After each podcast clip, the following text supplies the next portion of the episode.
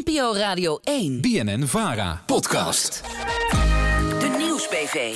Want vandaag komen alle Europese energieministers samen voor een spoedberaad over de energiecrisis in Europa. En te gast is Bas Eickhout. Hij is Europarlementariër voor GroenLinks en vicevoorzitter van de commissie die zich bezighoudt met milieubeleid. Zodoende zit hij echt bovenop dat energiedossier. En daarnaast is Eickhout binnen de Groenen ook nog de coördinator voor het hele klimaatpakket. Kortom, de man die we moeten spreken vandaag. Eh, meneer Eickhout, welkom. Goedemiddag, Ja. Ik, ik som heel even kort op waar het over gaat vandaag. Een prijsplafond op Russisch gas. Extra belastingmaatregelen voor fossiele energiebedrijven. En een besparingsplicht. Dus allemaal zuiniger omgaan met energie. Dus dat zijn een aantal maatregelen die vandaag voorliggen. En tot voor kort leken deze maatregelen echt er heel moeilijk doorheen te komen. Maar gaan deze plannen het nu wel redden, denk ik? Ja, de druk is gewoon groot dat, eh, dat er wat moet gebeuren. Eh, alle landen nemen nu eigenlijk eh, nationale maatregelen. Dus iedereen is op dit moment met de crisis bezig. En eigenlijk ziet iedereen ook wel in van laten we dat nou proberen Europees te doen. Dan heeft het ook veel meer effect op de markt. Hè. Die, die energiemarkt, die prijzen worden natuurlijk Europees bepaald.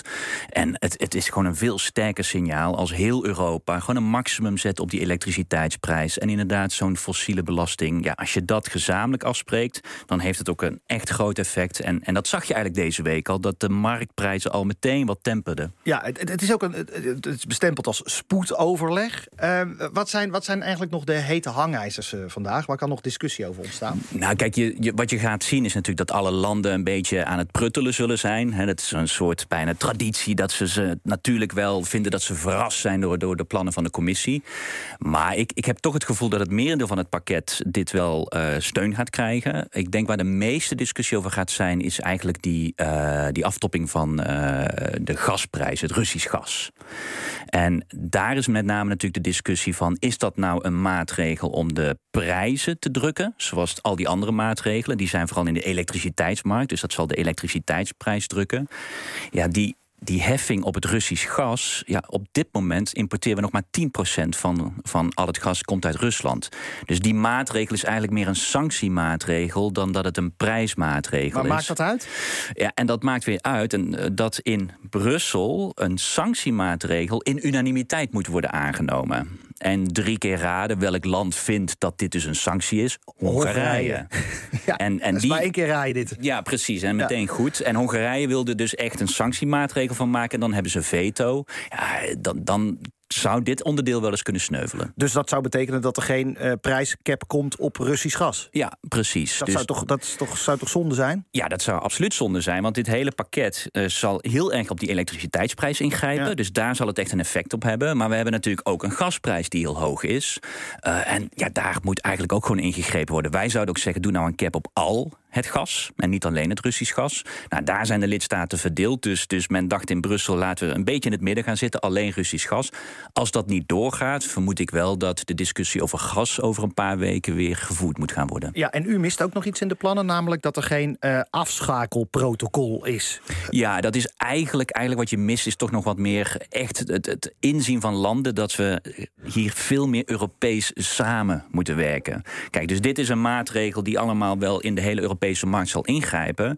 Maar wat we ook veel meer moeten gaan zien, is van jongens, het inkopen van gas. Zouden we dat niet gezamenlijk moeten doen? En als we straks een strenge winter krijgen en er moeten maatregelen genomen worden, ja, gaat dan ieder land voor zichzelf bepalen wat afgeschakeld Nou ja, gaat worden? landen willen graag hun eigen soevereiniteit behouden. Die willen niet zoveel macht en regie overdragen naar Brussel waarschijnlijk. Dat, dat is altijd de reden, hè, soevereiniteit. Terwijl je denkt, van, jongens, dat is eigenlijk een soort nep-soevereiniteit. Want we denken het dan voor het zeggen te hebben. Alleen als Duitsland bepaalde keuzes maakt... heeft dat een direct effect ook waar bijvoorbeeld het Nederlands gas naartoe gaat. Want het zijn private partijen.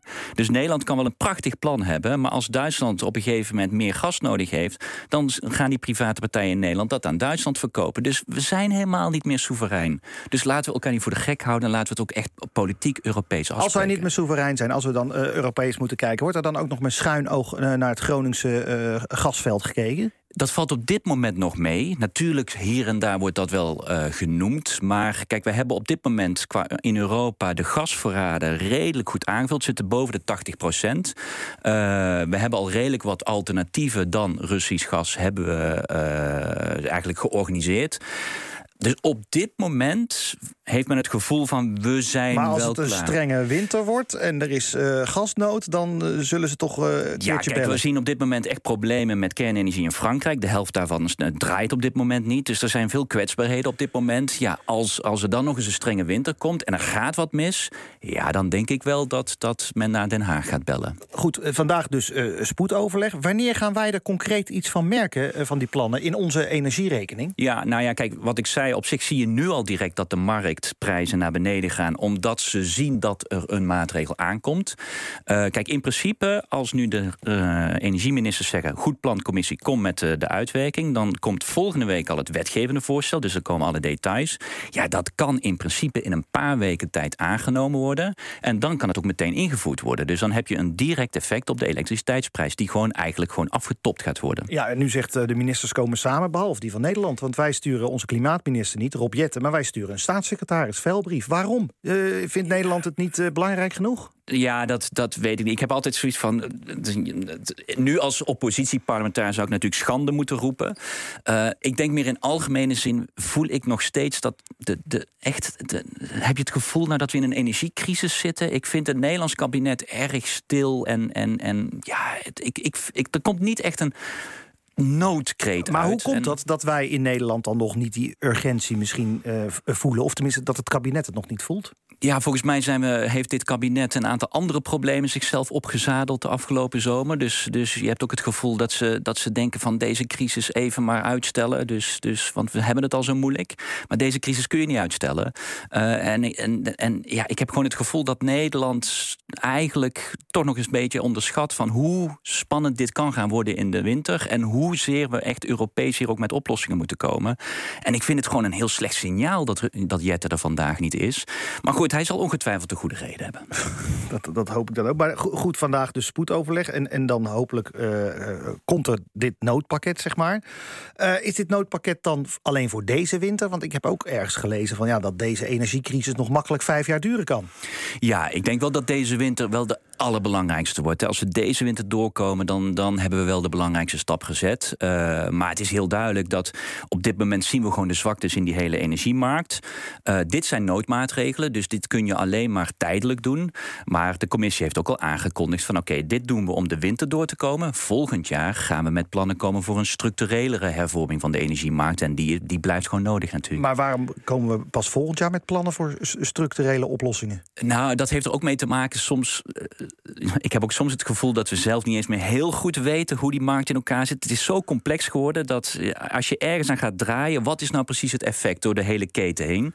Dus je moet ook wel gaan uitkijken, niet te grove maatregelen nu te nemen in een soort nood. Terwijl we nou net een hele spannende winter eh, voor de boeg hebben. Ja. Dus uit angst om niet het hele systeem nu een grote klap te geven, zoekt men naar maatregelen die snel kunnen en het systeem redelijk intact houden, maar wel een effect hebben op de prijs. Nou, dat lijkt dit voorstel te doen.